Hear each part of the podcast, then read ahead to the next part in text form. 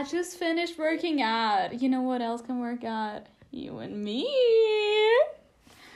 Ja. Jetzt Äh, was sagen. nein.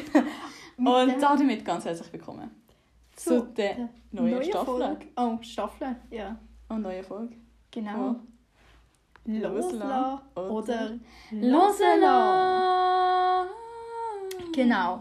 Ähm, ich äh, bin mir ziemlich sicher, dass du uns extrem fest vermisst hast in der äh, Sommerferien, Ja. der Sommerpause. Es war eine Genau. lange Sommerpause. Gewesen. Exakt. Und wir sagen neue Staffel, weil wir haben gefunden, wir machen eine neue Staffel.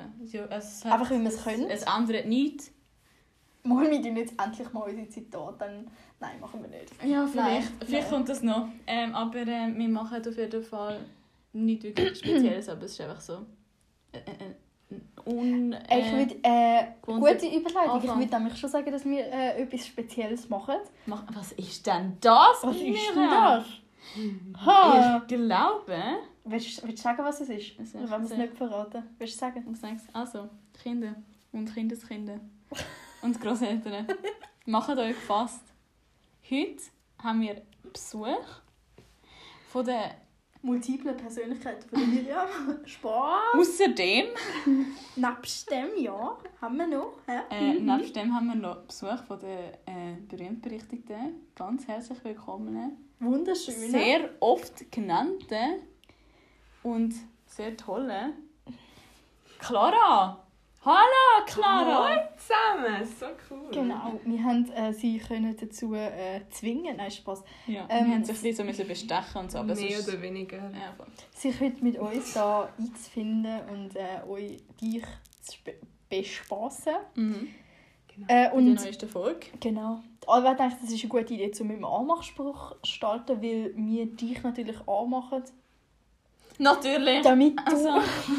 mein geil Best Friend bist. Nein, Spaß. das ist komplett äh, Hey. vor, wie nennt sich das, vorgezogen gewesen. Aha. Ja, das ist Genau. einfach äh, genau etwas, wo gerade in meinem Kopf vorgeht. Ja, weißt du, so, also äh, manchmal muss ich mir nicht wirklich alles immer so ähm, erzählen, was im Kopf vorgeht. Mal. Gell, warum nicht? Siehst Cool. Schau, zwei gegen einen. Das ist, äh, wirklich, das ist wirklich eine gute Konstellation. Nein, eigentlich. Was ich einfach wollte sagen, wieso ich das jetzt gerade gesagt habe. Mhm. Clara und ich haben eben letztens ein Gespräch geführt. Oh, Und wir sind einfach beide so drauf gekommen, ähm, dass wir einfach einen männlichen besten Kollegen wollen, wo einfach wo einfach chill, also ich weiß ich habe schon mega oft so einen männlichen besten Kollegen gehabt und es ist dann immer irgendwie wegen irgendetwas in die Hose gegangen und so. Ähm, auf jeden Fall, aber das ist so ein nices Gefühl, einfach so. Und keine Ahnung, ja, das ist einfach gerade so das, was mich belastet in Was meinem belastet. Herz. In meinem Herz. Du weißt, da kann ich natürlich nicht mitreden. Weil Du hast auch einen männlichen ich besten habe Kollegen. äh, Ja. einen, einen guy best friend. Grüße gehen Ich klaue ihn ihr einfach. Weißt, ich finde halt auch, es ist so voll ein anderes Verhältnis zu einer männlichen Person als zu einer weiblichen besten Kollegin. Mhm. So, es ist so, es ist einfach cool. Das ist einfach auch so ein Thema, über was wir eigentlich könnten reden Es gibt ja immer so wieder die Frage, ob eine Freundschaft, die wirklich rein platonisch ist, sozusagen, zwischen männlich und weiblich, kann existieren. Und das Ding ist, me- meine Selbststudien zu diesem Thema sind noch nicht auf ein eindeutiges Ergebnis gekommen. Also ich Vielleicht finde hast du eben, einfach immer non-binäre Typen gehabt. Also dann nicht Typen, aber Personen. Weißt du, ich meine? Wie du? Menschen mit Schniedel, die non-binary waren, dann hat es darum hat es nicht äh, funktioniert. Nein, ich meine eigentlich eher, dass irgendjemand nachher irgendwie so... Gefühl hat oder so. Ja. Catch and Also, Oder einfach, dass es halt nicht auf der, wisst ihr, auf der unkörperlichen Ebene bleibt. Ah ja. ja, irgendwie ist es voll schwierig, so etwas zu finden, habe ich so das Gefühl. Also, Ja, vor allem, das grösste Problem ist ja, dass ich sozusagen will, weißt ja. Das heisst, egal mit welchem Typ ich jetzt irgendwie mich anfreunde, ist immer so, in meinem Hinterkopf ist so, vielleicht ist das ja mein ne- neuer Guy Best Friend, weißt Und du kannst eben nicht mit so Erwartungen oder so in so etwas reingehen, weißt Aber auf die andere Seite bin ich viel zu ungeduldig, um dass sich so etwas einfach entwickelt, weißt Es generell, generell irgendwie so, das Zeug kommt halt irgendwie auch einfach. Aber wenn du Erwartungen hast, dann Ja, aber der Guy nicht. Best Friend kommt Dann eben kommt- bei mir irgendwie momentan Kommt, nicht so. kommt der nicht? Der kommt nicht. Du, vielleicht mit der Also, B-Post ich verschickt worden. Ja, Oder? aber selbst dann müsste... Nein, aber weißt du, ich, also ich weiß wirklich nicht, ich, ich, ich, ich bin irgendwie... Innerlicher Struggle Das, das verbindet schon den nächsten Punkt. Oh, Also- Dating heutzutage. Ich, bin, ich kann irgendwie nicht... Ich kann irgendwie niemand... keinen Typ so richtig kennenlernen. Und, und mir einfach so denken, so, das ist jetzt ein Kollege. Weil ich bin immer so, entweder ist er so ein potenzieller... Partner Oder anderes. oder anderes. Ja. OA. Oder es ist einfach so, keine Ahnung, also ich weiß nicht. Und dann kommt irgendwie auch noch so das Ding in mir, dass ich irgendwie zu faul bin, zum Freundschaften pflegen im Sinne von, weißt du, so neue Ah, ja. bilden. Mhm. Ja. Ja, weißt du, ich sind hure praktisch, ich sind in der Schule. sind nur praktisch. Äh, ja, danke Wir mir. sehen uns ja in der Schule. So, Boah, ist, ah, Miriam heute einfach wieder so liebenswürdig. So es schön. geht gar nicht anders. Ich bin einfach so. Mm, ei, dauert. Kommentar zu gestern oder so. Also, Nein, wir reden jetzt über Dating. Ist gut. Also, Ähm, genau. also wenn wir vom, vom Anfang an... Über was ich. ich weißt du, so, wie, lernt, wie lernt man ja, jemanden kennen? ja, ja. Heutzutage. Heutzutage. Oder? Genau, okay, fangen So wir an. entweder überhaupt. Ey, Ey, aber das, da- okay, ganz kurz, aber das, das kann nicht funktionieren. Das ist ich so, habe im Fall heute, du weißt, wer, weißt, wer habe ich heute auf seinem Töffel gesehen, wo ich da angefahren bin? Ja, ja, wir wissen wer, hä? Ich weiss auch wer. Ich habe so los müssen. Und ich sitze so, Ich ich sitze so neben meinem Vater im Auto. Ich so, ah, der. Äh, der, Ja. der auf dem Ding. Der auf da. dem Töffli. Ja, genau. Ja, ja. Nein, aber ich meine, wenn du so auf Hub unterwegs bist, das heisst, das ist ja so. Aber auf die andere Seite finde ich eben, Hub finde ich besser auch als an, also generell, ah, keine Ahnung, Dating Aber Apps, da habe ich ein grosses Problem. Aber Hub finde ich eben aus dem Grund einigermaßen okay, dass es halt, es findet halt auf Snap nachher statt, weißt Ja, Und genau. das, das heisst, ist ja nein, aber das heisst, du musst nicht, stell dir mal vor, du gehst auf eine Dating-App und schreibst ein Date mit Leuten. Sorry, nein. Für das habe ich einfach keine Zeit, um das in meinen Alltag zu integrieren. Und wenn, wenn du auf Snap, kannst vor allem einfach so ein Klickchen machen und die Person ist entfernt. Weißt du, was ich meine? Also, ja, ja, das, das schon. Und dort aber- ist irgendwie, also wenn du dich auf Snap addest, dann hast du voll nicht so das, du musst nicht direkt miteinander schreiben. Also weißt du, was ich meine? Ah, keine Ahnung. Aber gleich, ich habe noch nie Ja, aber ich finde so, es ist voll komisch. Stell dir vor, nachher hast du dann wirklich irgendeine Beziehung daraus. Und nachher. Äh, ich wenn kenne wie viele Leute. Ja, aber nachher ist das ja mega los, wenn du so sagen musst, ah ja, also, wir haben das so über Hub, über ja, okay, Snap das sagst du nicht. Du sagst dann meistens so- einfach. Erstens mal, wenn Was sagt mir das? Wann- Leute, wenn ich euch sage, wenn ich, meistens, wenn ich sage, meistens, wenn ich sage, ja, ich- also über Kolleginnen oder so, safe ist aus dem, irgendwo so von Insta oder von Snap oder so. Leute, ihr wisst Bescheid. Also nicht, nicht immer zu meiner Verteidigung. Manchmal stimmt es wirklich, weißt du, wenn du so rausgehst oder so, dann kommen so neue Leute. Es passiert schon, aber seltener. Hä? Ich finde, das, das ist eigentlich voll schwierig, weil voll oft, ähm, finde ich, ist es so, dass ähm, wenn man abmacht, dann sagt man so, ja, ich mache gerade mit denen ab, sorry, ich habe keine Zeit. So statt zu sagen, ja, komm doch auch mit. Weißt? Du? Und dann ist es voll schwierig, neue Leute kennenzulernen. Das ist allgemein Pain. Eben, dann musst du einfach dann musst du irgendwo so angehen und dann, ich dann, nicht. dann, keine Ahnung, dann sind so Leute, du triffst sie so und dann sind- sagen Oder- die so, «Hoi». aber auf die andere Seite musst du dann irgendwie wie einfach hoffen, dass du sie, also weißt du, weil ich bin dann nicht der Mensch, der so sagt, ah, ich verstehe mich jetzt mit dieser Person gut, ich frage jetzt mal irgendwie nach dem Snap oder so, während wir draußen sind, weißt du, während wir draußen sind, bin ich Bist du sowieso... drunk und weg. Schnauze! Alter, das stimmt nicht mal. Auf jeden Fall, eigentlich, was ich auch wollte sagen, zum Beispiel, es gibt doch auch immer die Leute, die so von allen Partys oder so, wo, wo sie so sind, machen so mega viele Bilder und so. Ich vergesse so Sachen immer, weil erstens, ich bin nicht so oft dann am Handy und zweitens mal ist das einfach so gar keine Priorität bei mir. Also weißt du, und dann, dann gehst du und dann bist du so, oh fuck, ich will dich nie wieder sehen oder so. Mhm. Und dann, ent, dann entweder fängst du so an über Insta so, weißt, so die Stalking-Maschine äh, aufrollen. oder du musst einfach wirklich hoffen, so, dass die Person irgendwie das nächste Mal wieder dabei ist. Ja, aber So wenn, sie, Pain. wenn jemand dort schon dabei ist, dann kannst du ja wohl...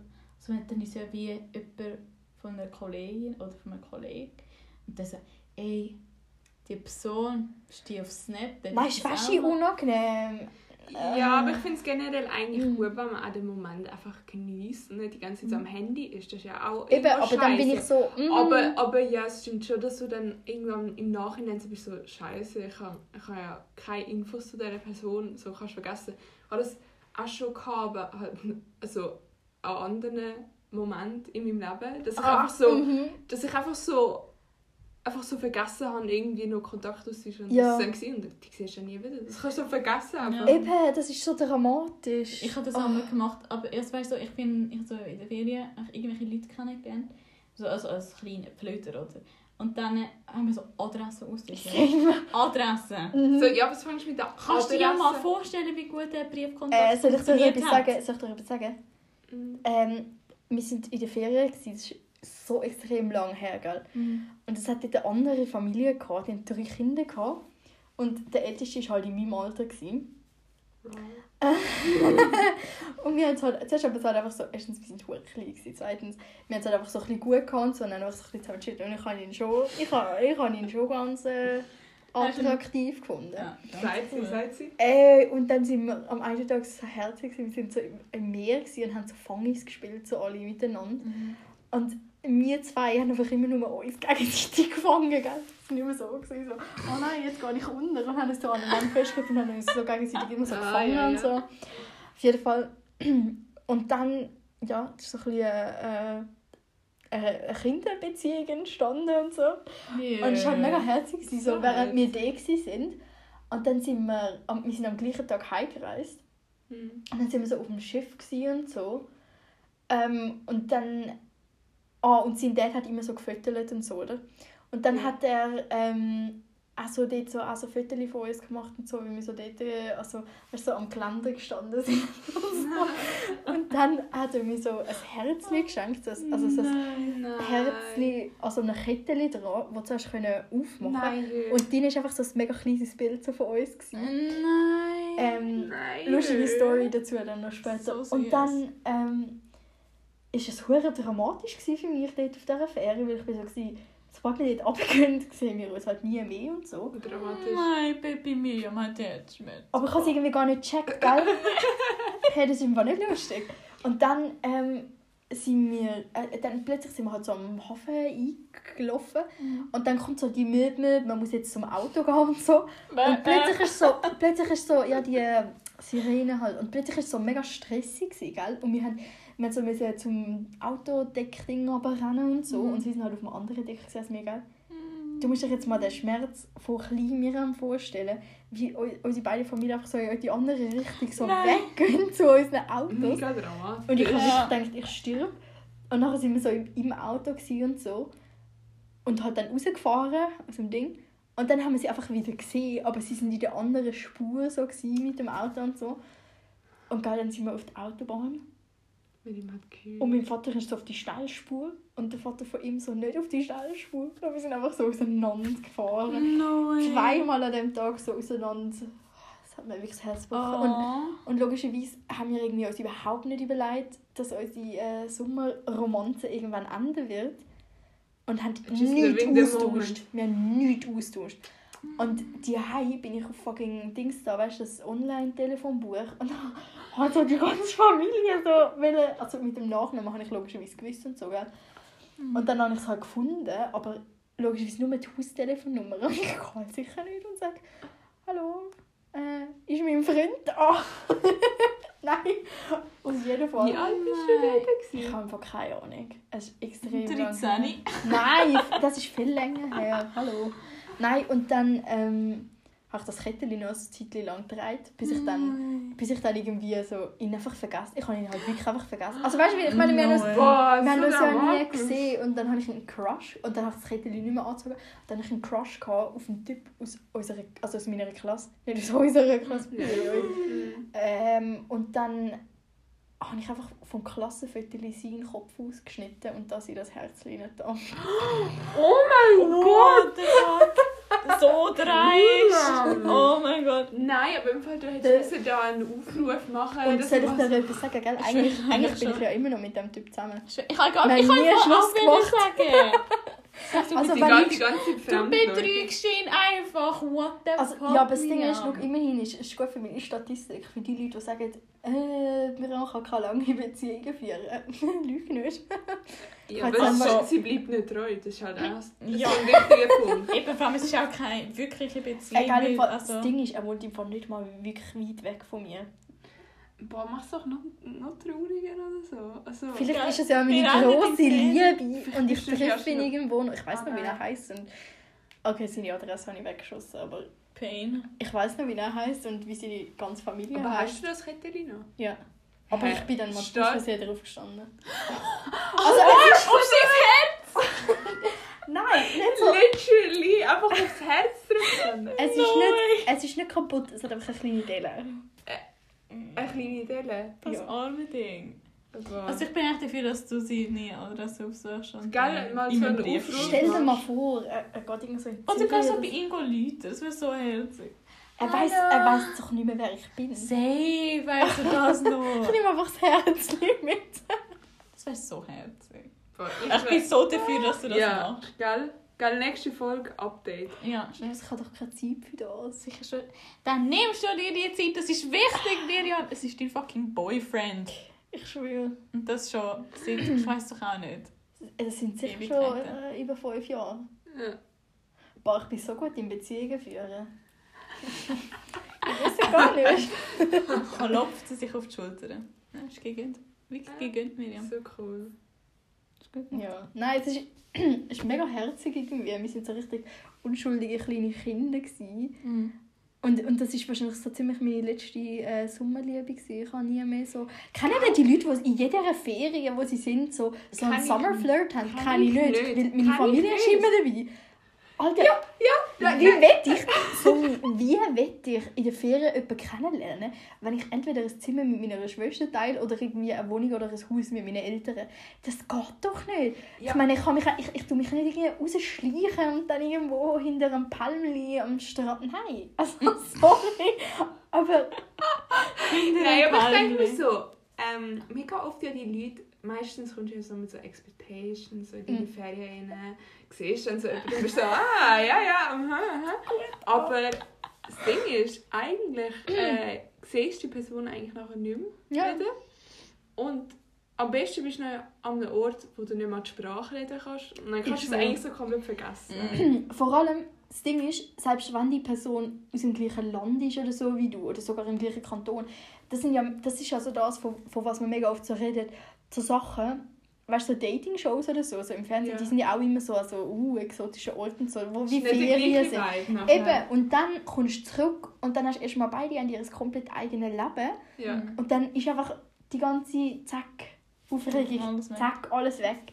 Das ist einfach ein Pain. Mhm. ja, komplett. Aber es wäre halt... Du hast das Gefühl, du hast irgendwie Also, eine Love Story vom 21. Jahrhundert. Nein, Mhm. nein, das denkst du nur. Und dann gibt es einen dritten Arsch. Der Ja. sagt nein. Ha. Du bekommst einen Realitätscheck. Genau. Das ist einfach ein Pain, sorry. Nein, aber, Aber ich kenne mega viele Fall- Leute, die das machen, wo, wo dann so... Äh, also ich weiß eine, die ich nicht persönlich kenne, sondern sie ist eine Kollegin von einer Kollegin. mhm. Ähm, und sie hat jemanden kennengelernt in den Ferien. Ja. Und sie haben halt so ein bisschen... Und, und dann sind beide wieder heimgegangen und die Person wohnt an einem komplett anderen Ort in einem anderen Land, gell? Ja. Und die haben sich jetzt einfach wieder also besucht. No way. Alter, das ist mir- Wow. Sorry, aber also, dann, dann muss der Urlaubsflirt wirklich gut sein. Ja, aber ich denke mir halt wirklich, das Ding ist halt wirklich, man ist ja eigentlich meistens mit der Familie dort. Also so, Ja. Das ist mir so unangenehm, gell? Ich kann nicht mehr in die Richtung von männlichen Wesen schauen, wenn ich mit meiner Familie bin, weil ich Angst habe, dass alle plötzlich so sind, ja, Miriam, kannst im Fall auch mal mit der Familie Zeit geniessen, musst nicht immer gerade... Weißt du, ich, ich schaue sie nicht mehr an. Nein, aber meistens ist es ja dann so, dass die andere Person auch mit ihrer Familie dort ist Ja. und dann genau der gleiche Move macht, von ich sehe dich nicht. Und dann ist es so, ja, vorbei, Ey. kannst es vergessen. Wir müssen, wir müssen einfach nächstes Jahr im, äh, so mit Friends irgendwo hingehen. Und dann- Wir sind, gelaufen nein, ist. wir sind Ja, nein, schlussendlich, sie will ja nur, dass sie mit Friends hingehen, damit sie einen Flirt machen kann. Ja, nachher sind wir Miriam dann nicht mehr. Das Eben, Ihr könnt auch einen Flirt machen. Ihr könnt auch Ich einen glaube nicht, dass ich das mache. Nein, Moll. das ist so eins. Früher ich bin so extrovertiert. Ich bin irgendwie in Südafrika und habe zehn neue Friends gefunden von irgendwelchen Ländern. Gell? Wir haben das nicht mal wirklich verstanden, so sprachlich. Mhm. Voll gematcht. Geil, aber, aber- gleich, weißt wir sind so die ganze Zeit, wenn wir irgendwie nichts zu tun haben, ich, bin ich so beim, äh, bei denen klopfen, so «Hi, wollen wir etwas machen?» Also, Machen. Kennst Ich mach das- Schmachen Nächstes Mal, wenn ich einen Typ sehe, gehe ich so zu «Hi, wenn wir etwas äh, schmachen?» Du schmachen Ich hätte da auch noch eine Idee, was wir könnten äh, schmachen. ich habe halt die Fresse. Aber ich meine, weißt, du, ich habe so irgendwie auf Schweizerdeutsch oder so gefragt Ja. und die andere auf Holländisch geantwortet. Ja, okay, das ist noch Absolut. recht close im Ja, Fall, aber gleich. Gleich. Ich kann aber auch- Es hätte jetzt schlimmer können Ich war untereinander. fünf, gewesen, ich habe das eigentlich dort schon nicht gecheckt. So. Ding. Ich habe früher auch nicht gewusst, Ist dass Leute andere Sprachen reden. Also, ich Ja, habe okay. doch, woher hätte ich das sollen wissen?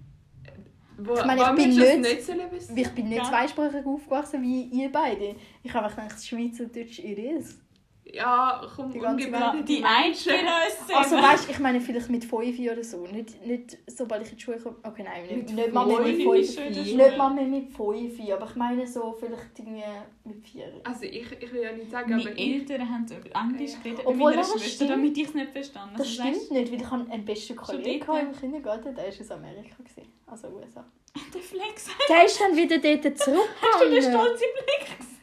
Ja, das heisst, ich habe gewusst, dass es mehrere Sprachen gibt. Mein Gott. Alt warst du? Elf oder wie haben wir es? Nein, das ist ein Kind. Also in der Spielgruppe habe ich ihn kennengelernt und dann war er mit mir im gewesen. Und Und Miriam dann- so, ich weiss es mehr Sprachen. Und dann sind sie wieder back nach USA gegangen. Das hat mir im Fall auch das Herz gebrochen, gell? Alter, du hast einfach so auf das Herz gebrochen. Alter, ich habe einfach... Hast du ein Herz? Darum, Hast du noch eins? Geil, es ist was nein, so... es ist schon zu klein, Ja, weil es so viel gebrochen ist. Nein, aber im Fall... Der Julian, oh, das ist, es ist so Julian, herzig. Meld dich, meld dich.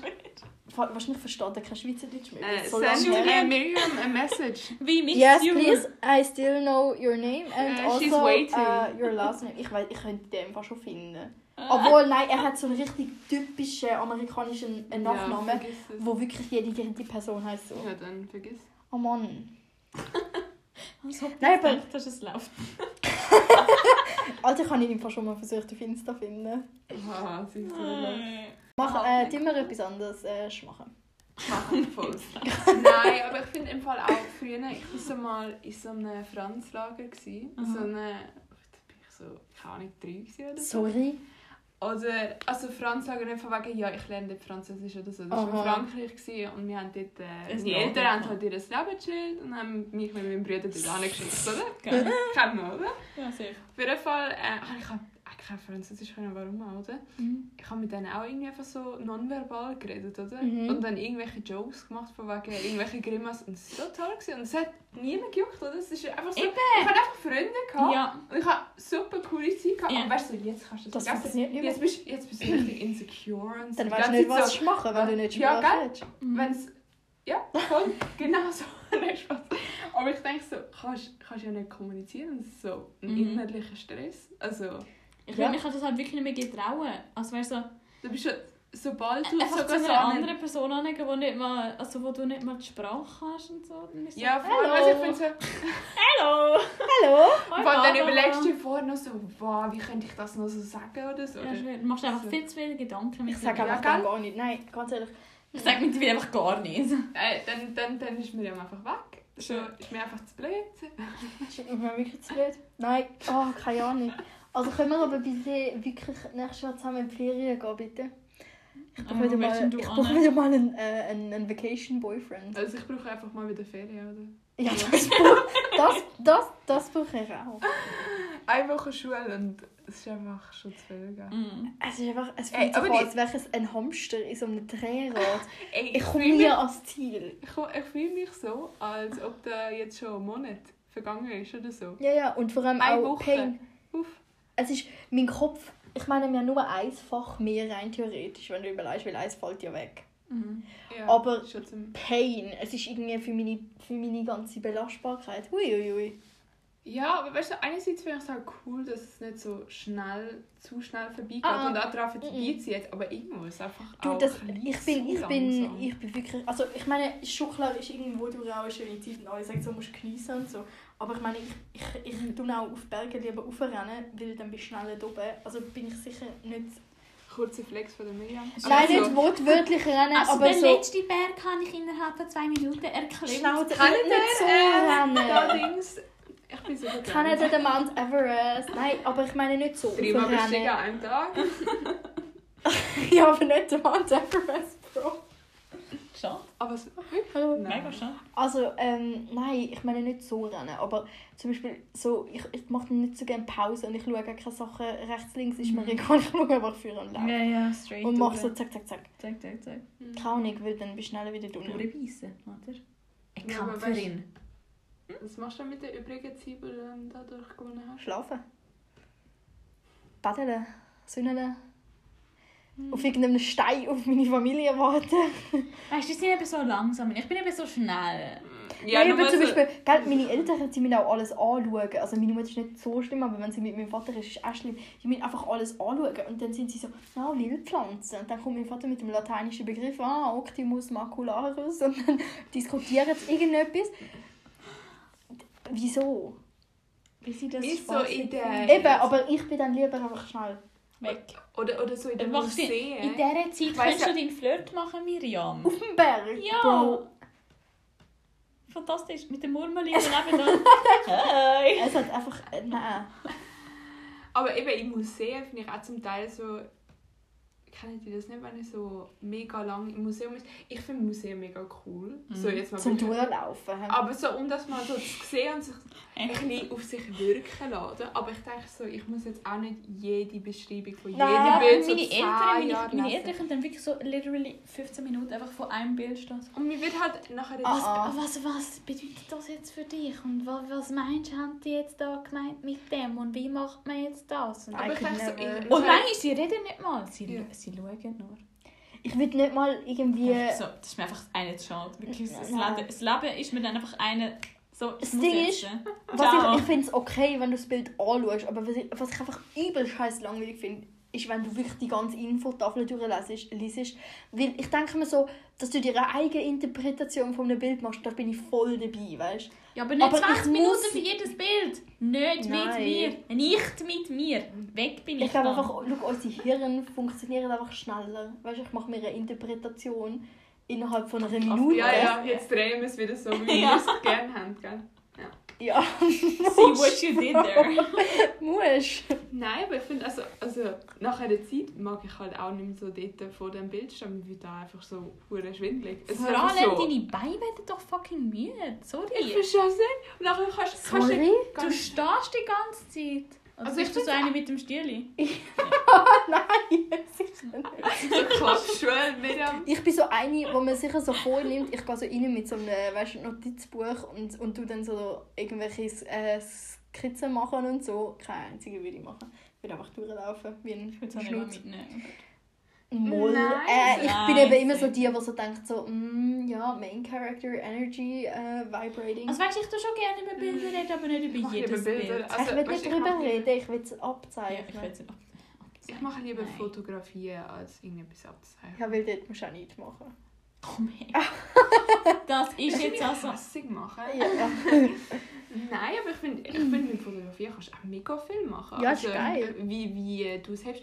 Du kannst so einfach eine schlechte Fotografie machen. Also, easy. Ja, das so Ding ist, äh, geil, meine Eltern, meine Eltern, wenn, also wir sind jetzt schon mega lange nicht mehr so in ein Museum gegangen, aber früher immer, die haben mich immer in so Museen reingeschleppt, wo man äh, Bilder nicht hat fotografieren und so. Ja, ja, ja, Ja, same. logisch. Was hätte ich jetzt da machen? Einfach durchlaufen? Skizze. Du hast ja eine Skizze machen. Genau. Nein, aber ich finde ich find so Museen cool, wo es auch so etwas Mäßiges hat, was sich so ein bisschen bewegt oder so, oder wo du so beobachten kannst. Und es- also Illusionen mäßig, das wäre viel cooler. Also Ja, das Ding ist, ich mit, kann halt... mittelalterliches Stillleben. Ah. Also, Finde ich also schon Schlaft recht einem das Gesicht ein. mega. Wie sie das Licht so reinmachen, also es hat so eine ganz andere Wirkung. Ich generell schaue ich gerne zum Beispiel Äpfel auf einem Tisch an. Das ist so cool. Das mache ich auch gerne. Das Also sagt mir äh, so viel.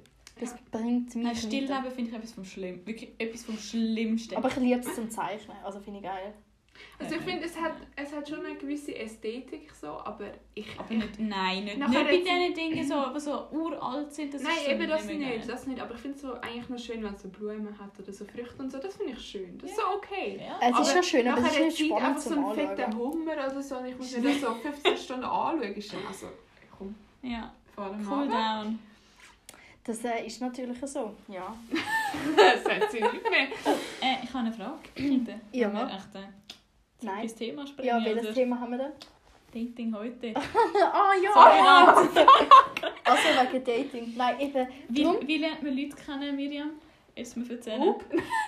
nicht noch. ich würde einfach eine Annonce in der Zeitung ausschreiben. Oder einfach Äh. ein Video machen. Leute, das E-Mail-Adresse erstellen. Miriam Äh, sucht hat Leute. der- Severin sucht Freundin at gmx.ch. Falls ihr einen Freund sucht, Ihm einfach ein Bild schicken. Äh, das Bild schicken, Kleine eine Beschreibung. Beschreibung, so «Hoi, Jacqueline, 45, Interesse» und dann einfach schnell am Server schicken. Alter, mir, jetzt klar, hat mir das Video so zeigt, gell? das hat mich komplett geletzt. Und ich habe letztens auch wieder eins gesehen von einem Typ, der das auch gemacht hat. Erzählt er, Aber was er für eine Ausbildung gemacht hat. was er für eine Ausbildung gemacht hat, wo er jetzt schafft. Und sagt er, und jetzt äh, habe ich äh, eine Anstellung im Kanton Zürich antreten, Wo auch- Jesus? ja, ja, pst, pst. wo auch äh, wirklich gut bezahlt ist.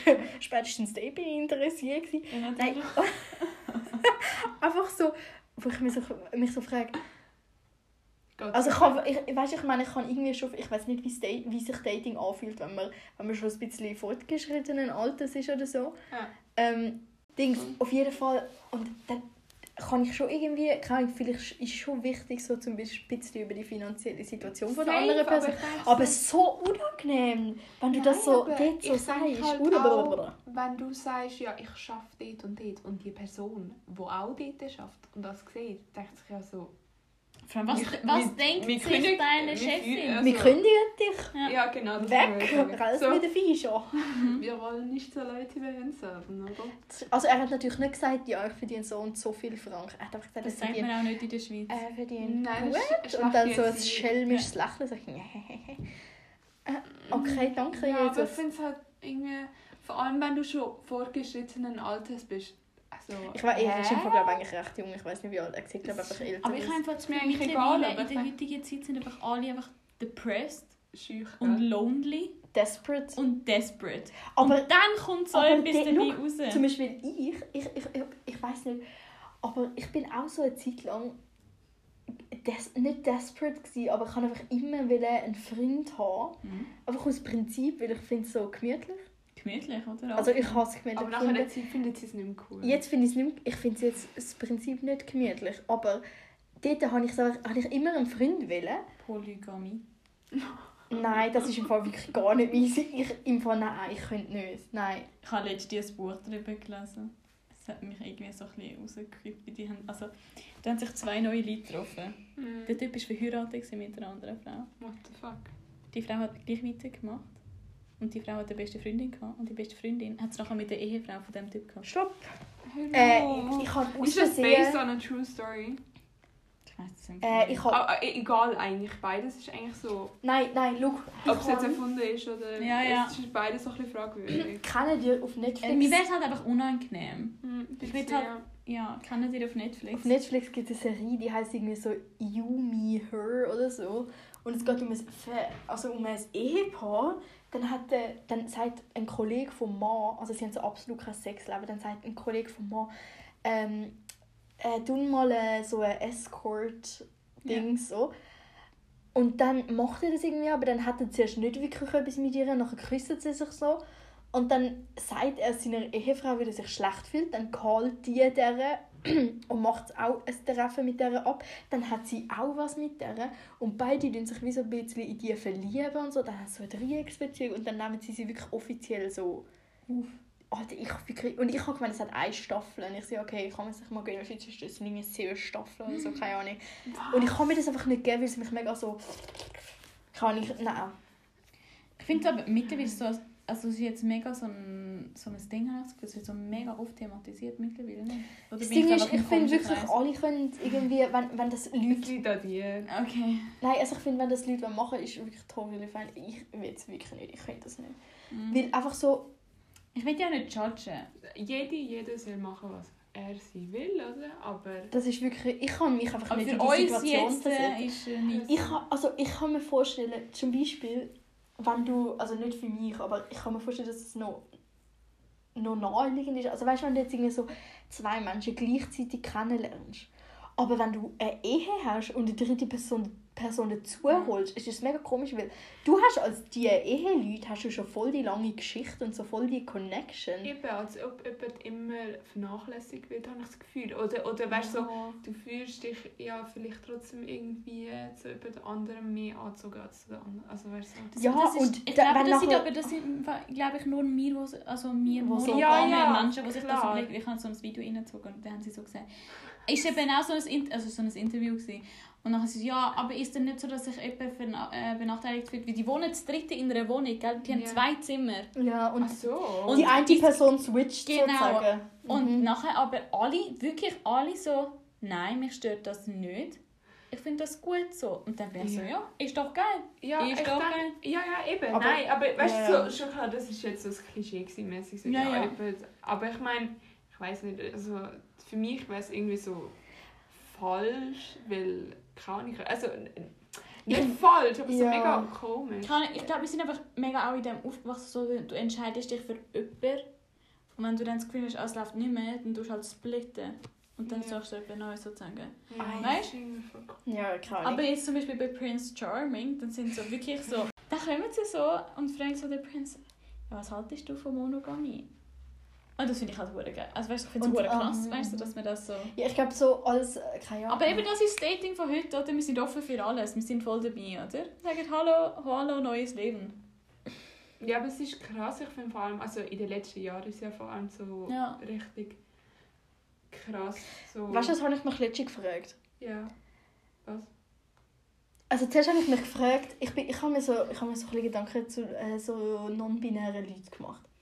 Und dann habe ich mir eine richtig dumme Frage gestellt. Oh, oh. Und, also es ist einfach so intuitiv gekommen, so, seit wann gibt es das? Und dann bin ich so, Miriam, seit, seit Menschen existieren, Ja. logischerweise.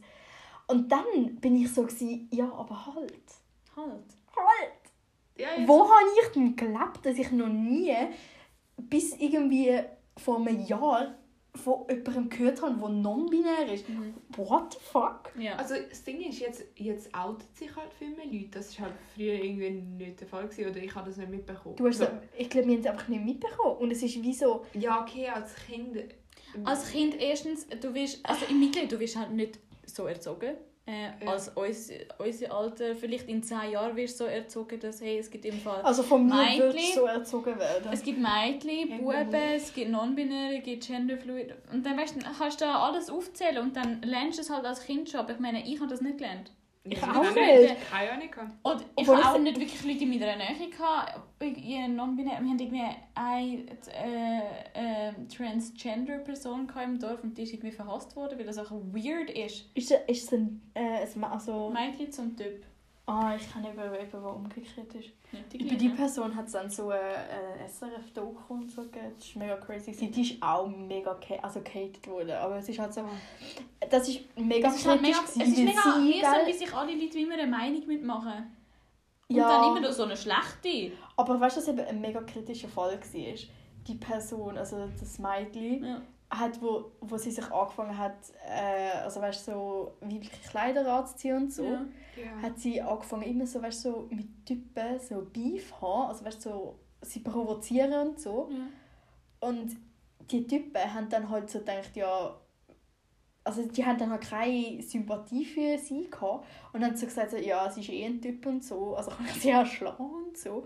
Und dann hat sie halt immer so mit ihr gefeiert und sie ist halt immer so gewesen, ich kann mich nicht schlagen, ich bin ein Mädchen und hat sie aber, weißt so lange provoziert, bis sie sie haben wollen. Also das hat Aber mich das ist mega auch genervt. nicht okay. Das ist überhaupt Das nicht nervt okay. mega, weil- Ich könnte mich nicht schlagen, ich bin ein Mädchen. Dann schlagen doch.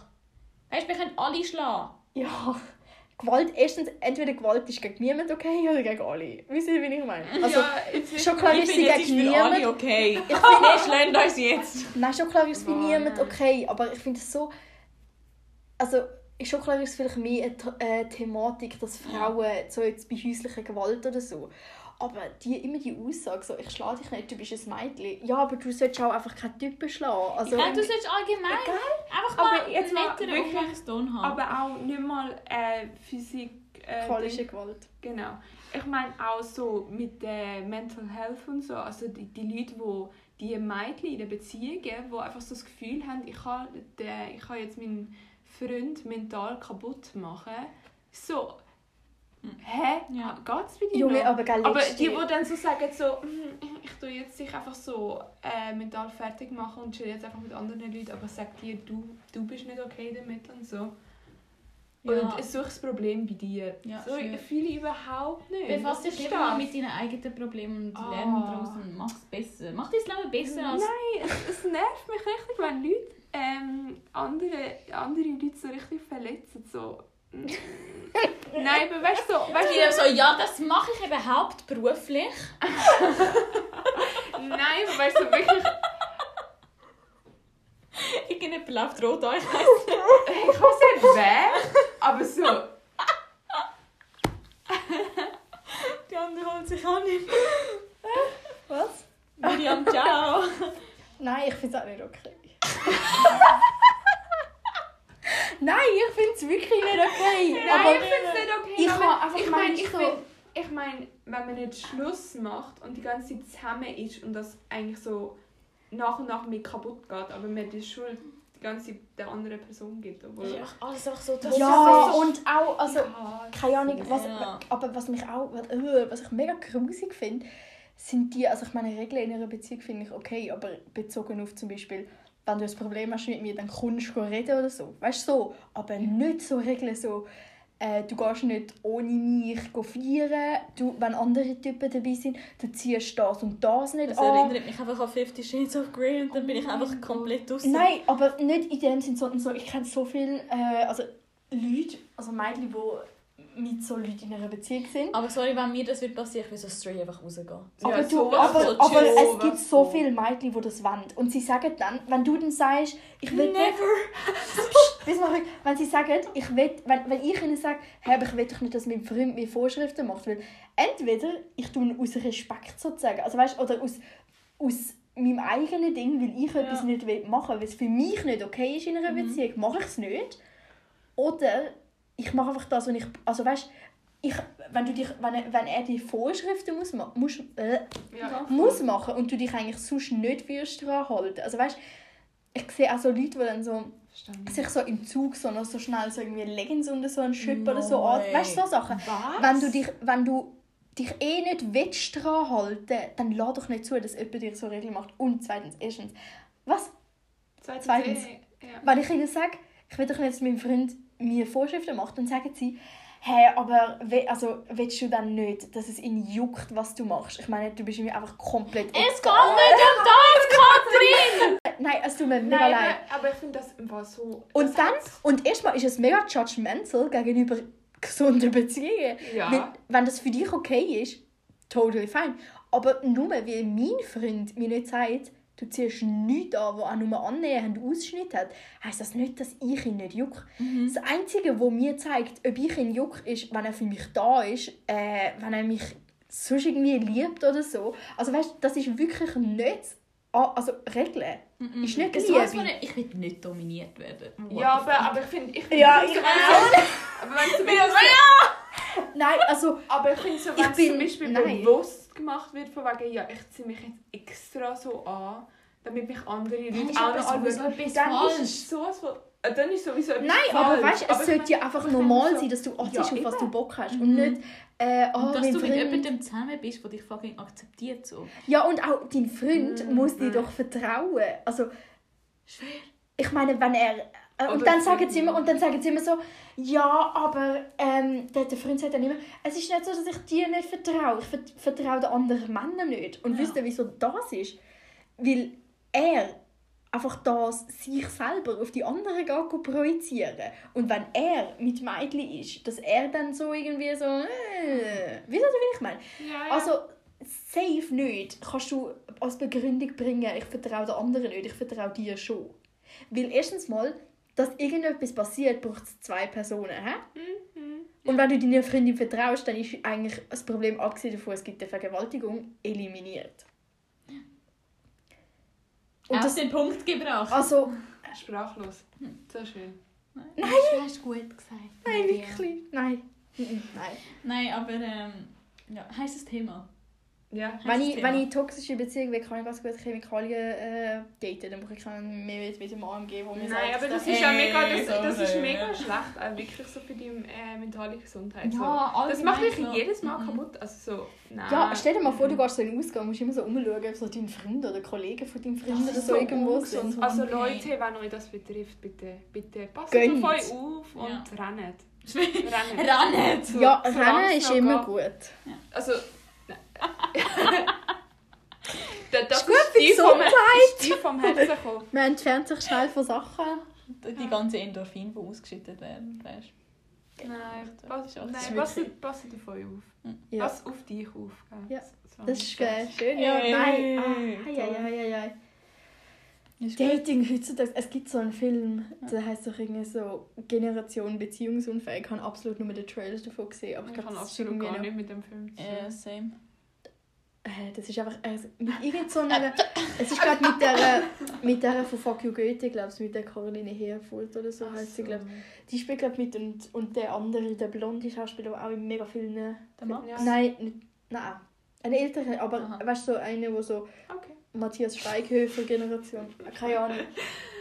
Aber wir sind wirklich ein bisschen Generation beziehungsunfähig, weil die einen von uns haben Trust Issues, die anderen haben Commitment Issues Und die anderen sind desperate. und die anderen suchen Depression oder so. und die anderen suchen irgendwelche toxische Beziehungen mit Regeln. Mm. So schlimm, so Ja. schlimm. Ja, und das ganze Zeug, äh, es gibt ja mega viele, die einfach dann so...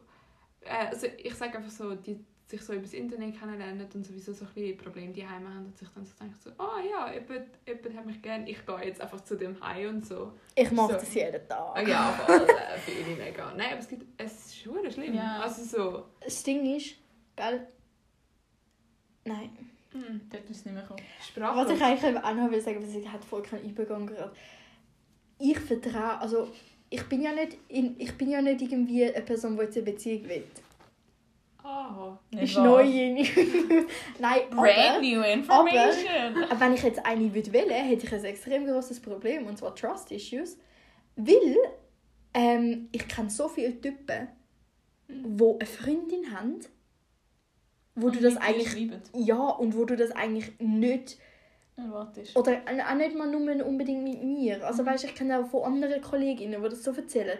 Und ich habe letztens gesehen, habe ich es nicht über im Vorher erzählt, der, ich kenne zwei Typen und der eine hat eine Freundin Mhm. und beide folgen dieser Freundin auf Insta. Und dann habe ich halt den anderen so gefragt, ah, äh, kennst du sie? Also ja, sie ist eine Kollegin von mir. Und ich so, ja, hat, also sind die zwei eigentlich zusammen zusammen? Mhm. Also so, weil ich habe nicht gewusst, ob sie irgendwie so eine offene Beziehung oder so haben, weil ich meine, es gibt auch Leute, die das haben. Und er so, ja voll. Und dann ich so, wie lang? Dann hat er mir gesagt, wie lang. Und irgendwie so, dass sie vorher einfach so, weißt, so, so was Komisches waren, also so Dating. ja, ja. Und der Typ schreibt mir seit dem Januar durchgehend. Mhm. Ja, ja, das hast du mir erzählt. Und der so hat sie in dieser Zeit datet und dann sind sie zusammengekommen. Und es ist nicht, dass er irgendwie in den letzten drei Monaten, seit sie irgendwie offiziell zusammen sind, irgendwie nichts gesagt hat. Weißt er ist echt, er, nein, er ist einfach, und es ist einfach mega schlimm. Und, Also ein mega schlechtes Gewissen hätte ich dabei. und das Ding ist, er tut es ja nicht in dem Sinn verheimlichen großartig, dass er eine Freundin hat, sondern er tut es wie auch einfach nicht thematisieren und sich irgendwie so verhalten, dass du dir so denkst, hey, die können doch eigentlich gar nicht wirklich so richtig, richtig zusammen sein. Mhm. Du fühlst dich auch mega verarscht, aber auch auf der anderen... Also, Also mir ist es eigentlich erstens scheißegal, weil ich mache nichts so, weißt du, physical oder so mit ihm. also ja, nein. Aha, nicht als du. sie, Ich als meine, sie würde ich, ja. aber ich frage mich auch, als ob sie so etwas nicht checkt, gell, er snappt mir mich mit ihren und so. Schon klar Ja. sagt er dann nicht so etwas, aber s- er, sie checkt mache- halt gleich, dass er mit vielen Frauen snappt. Und Ja, vielleicht macht sie ja genau das Gleiche. Ich habe nicht das Gefühl, ich habe- sie ist so eine mega herzige, weißt so, Oder, oder so ihr mega- ist es so viel zu unangenehm. Vielleicht ist sie so eine Scheuche, die das nicht ansprechen kann, weil... Aber whatever. dann, oh, keine Ahnung, es tut mir mega, also weißt, ich mache nichts wo jetzt irgendwie, wo ich würde sagen, so, ja, das ist übel und chillig von mir. Ja, So, weißt, ich gehe ja, erstens nicht wirklich Therapie und zweitens, ja.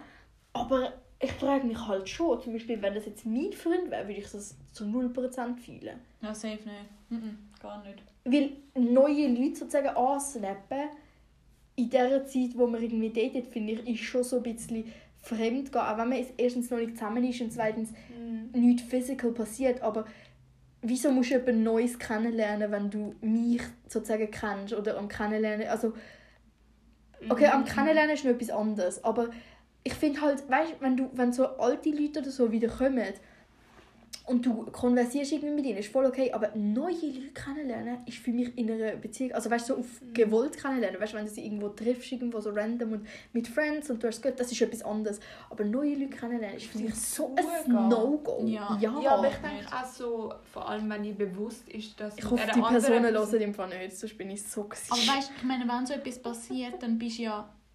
Dann checkst du ja, okay, irgendetwas ist nicht gut in dieser Beziehung. Also entweder. Also etwas muss sich ich habe ändern einfach, in dieser das Beziehung. Gefühl, ich habe erstens das Gefühl, er hat einfach, er hat einfach auch Commitment-Issues. Ja. Ich meine, das dafür würde ich niemand judgen oder so, aber dann musst du halt vielleicht auch Dann musst du halt überlegen. offen auch sagen, ey, sorry. ja, dann, also ich meine nicht, dass ich das jetzt amigs mega, also vor dem Podcast habe ich es jetzt nicht offen kommuniziert oder so, aber ich weiß nicht, also ich meine, ich habe in meiner Beziehung niemand irgendwie angeschrieben und gesagt, schickst du mir Nudes? Mhm. Wisst ihr, wie ich meine? Ja, Das ist nein. nochmal etwas nicht, anderes. ja. Also, ich meine, wenn ich jetzt mit jemandem schreibe oder so, wo ich schon vorher kennt habe, oder so, einfach so auf normale Basis, das ist etwas komplett anderes. Aber wenn ich jemand Neues anschreibe und dann so Sachen... Huiuiui. Nein, es läuft halt einfach nicht. Also ich würde meine Also, sieben Sachen packen und davon Ja. laufen. Ganz Oder rennen. Vor allem, wenn du das auch siehst, äh, also... Das ist so... Nein, ich, das finde ich so dramatisch, eben, dass du irgendwie Aber du, niemandem... du hast Du, kannst mega so... die Illusion in dem Moment. Du bist so, ah, ich habe einen Freund, so cool und so. Ja, der schreibt mir so, ja, keine Ahnung, hat er ja schon vorher gemacht. Das ist Ich meine, schon klar ist es So, gut, dass man nicht alles hinterfragt und so mega die Trust-Issues Aber du musst ja nicht immer alles akzeptieren. wenn Ja, es und du darfst auch ist. nicht die Augen zumachen. Ich habe das Gefühl, sie macht mega die Augen zu. Ich weiß nicht. Also weißt, sie will es nicht sehen. Ich kann es schon verstehen, weißt, wenn sie, wenn sie, wenn irgendwie sonst alles gut läuft mit ihnen zwei, so zwischen ihnen zwei, kein Problem ist, dann ist manchmal schon Herz, um das zu sehen. Aber ist einfach so, schade. Mhm. hey, nein, darum im Fall wirklich. Also Oder auch die Zeit, wo du mit irgendwelchen fremden Leuten äh, am Snappen bist, kannst du ja eigentlich so Zeit mit dieser Person verbringen, mit der du zusammen bist. So, also, er macht aber beides gleichzeitig. Weißt. ja, aber das ist ja Hey, noch er ist so gute trauriger. Multitasking. Man sagt doch eigentlich, Frauen sind bessere Multitasking als Oh Männer. mein Gott, das haben sie Er proved das wrong. Ja. Nein, ah, keine Ahnung. Ich kann- Wir, wir dürfen nicht, wirklich nicht zu fest darüber reden, weil eventuell hören Das haben wir halt, glaube ich, jetzt schon gemacht. Ja. Das ist halt so Und vor allem sind wir irgendwie vom Thema Dating heute ins, Mal, das ist- das ist für mich ins Dating heute- toxische äh, Das, ja, Dating heute ist nämlich toxisch. Weil du Nicht weißt nicht, immer. nein, es gibt mega herzige Beziehungen, aber... bitte, bitte nicht aber die? Illusion kaputt machen. Nein, nein, klar, es kommt alles gut. Ich habe einfach alles schlechte Erfahrungen. Nein, Spaß. Ich habe, äh, meine eigenen Erfahrungen sind im Fall nicht so schlimm. Einfach die Sachen, die ich um mich herum gesehen Ja, sind aber so... dann bist du halt auch ein bisschen naiv. Die Sachen... Nein, einfach die Sachen, die um mich herum sind, einfach so... Auch so Leute, weißt, die in einer Beziehung sind und in ihrer Beziehung gefühlt schon ein Ablauf... Haben wir nicht auch darüber geredet? Weil ihre Beziehung gefühlt schon ein Ablaufdatum gegeben haben. Ah, ja, ja. Da haben wo wir die so- so, sagen so, ja, also wir bleiben ja sowieso nicht für immer zusammen. Also wahrscheinlich wird es so eine Beziehung sein, die so Also- bis 20 hebt. Ist Ja. für mich total okay, wenn du nicht sagst, wir werden heiraten, aber du musst dich schon irgendwo in Zukunft können sehen. Ja, oder, oder, oder, wo oder einfach ein mal auch im Moment leben. So Ja. Einfach so den Moment geniessen, so jetzt gerade ist es Ja. richtig. Voll. Vielleicht hätte es nicht wie immer, aber nicht so, hm, ich glaube im Fall so, Bis ab dem 20? Winter, ab dem Winter ähm, oder so Sommer habe ich eigentlich mehr Lust auf so etwas so Lockeres. Lockeres. ich so, komm. Wer wird das schon sagen? Nein, ja, eben, das finde ich auch so. Also, ach, keine Ahnung, du musst einfach... Entweder du lebst so komplett im Moment oder du musst so ein bisschen etwas können sehen. Also weißt, du musst ja nicht deine Zukunft planen, dass du dich so Aber fest auf das so- fokussierst. Ja. Aber du musst doch schon mit der... Was, was Du musst auch mit einem? Willen, in- äh, Willen in die Ja, und Motivation du musst doch, irgendetwas muss dir doch an dieser Person so liegen, dass du die eigentlich nicht willst unbedingt loslassen Ja, willst, auch nicht muss so, sein. so irgendwie so der, wie wie soll man sagen, so der Lebensstil, so das Lebensziel so ein etwas in die gleiche Richtung ist oder, oder irgendwie so, Ja, es muss einfach können Weißt verbi- ver- also, dass du connecten kannst, Ja. dann schon, aber weißt so, wenn du aber so wenn du so sagst, so, wenn du so sagst, ja nein, er, ich glaube nicht, dass ich ihn will heiraten, nein. Nein, ich glaube, der... Aber der du hast vor zu heiraten, wow, das ist schon ein bisschen hart. Also wie das, wäre ich, wäre ich in einer Beziehung und mein Freund würde das über mich sagen, also straight könnte seine sieben Sachen packen. Ja. Ich Das will ist halt auch mega ein Pain. nicht, dass ich will, Ja, das eben. Commitment von meinem Leben habe, aber wenn er schon weiter Aber ich, denkt, eben, er geht ja mit der Erwartung an. ja, So, ui, okay, ui. ich gebe dir drei Monate, nachher ist es fertig. Entweder Sorry. du willst mich für immer oder gar nicht. Genau. Mhm. Und das, meine Lieben, ist das Schlusswort von der heutigen Episode. Wir- Wir wissen nicht genau, ob wir jetzt Antwort darauf gefunden haben, auf unsere Fragen, aber Vielleicht Ich suche übrigens immer noch einen geil Best Friend. egal, DMs können also gerne sind immer offen. Ja. Ja, Einfach irgendjemand Netz, der so ein bisschen down wäre. Mhm. Safe. Meldet euch. Grosses äh, Nicken, oder? ja, Mhm. finde ich gut. Aber dann würden wir uns doch bedanken, Clara, dass du ähm, Genau. mitgemacht hast. Mega toll. Sehr gerne. Äh, falls dir das auch gefallen hat, was du gerade zugelassen äh, du, wo gerade zuhörst, falls dir das auch gefallen hat, dann lass ein bisschen Liebe da. Und sag vielleicht, vielleicht machen wir es ja nochmal. Who knows? Ja. Ja. ja. Who knows? Können wir gerne Es steht Feedback äh, in den Sternen. Genau. Ich hoffe auf jeden Fall, dass du äh, genau, jetzt einfach unser Comeback gefeiert hast. dass mit, mit mir. Und dann sind wir wieder alle zwei Wochen um, oder? Um, oh. Bestenfalls. Ja. oder? Mhm. Also, noch etwas wollen sagen, Clara?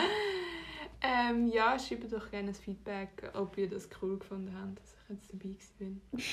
Wenn nicht, dann ist es mir eigentlich auch egal. Aber ja, Ja, ich glaube, ähm, genau. Und sonst auf jeden Fall immer eine gute Anlaufstelle für jegliche Sachen ist natürlich unser Instagram-Account. Wie heisst wir denn dort, Clara? lass ja la mit. Nein, Ohne, ja, ohne, müssen wir noch, nein, nein, aber Nein, an dem doch, müssen wir noch? Nein, sie hat es aber auch nicht geschafft. Das ist Lose.la Mit H. Eben, aber mit H ist jetzt. Also, Ja, ja. So schlimm ist Ja, es nicht. ja. Es Sie ist- würden es sowieso finden, genau. Also, mhm. Das ist äh, übrigens auch verlinkt. schaust einfach auf Instagram vorbei, schreibst ein DM oder sonst irgendetwas. Mhm. Und Was Ähm, dich beschäftigt, oder? Du kannst auf unsere Stories reagieren, alles tipptopp.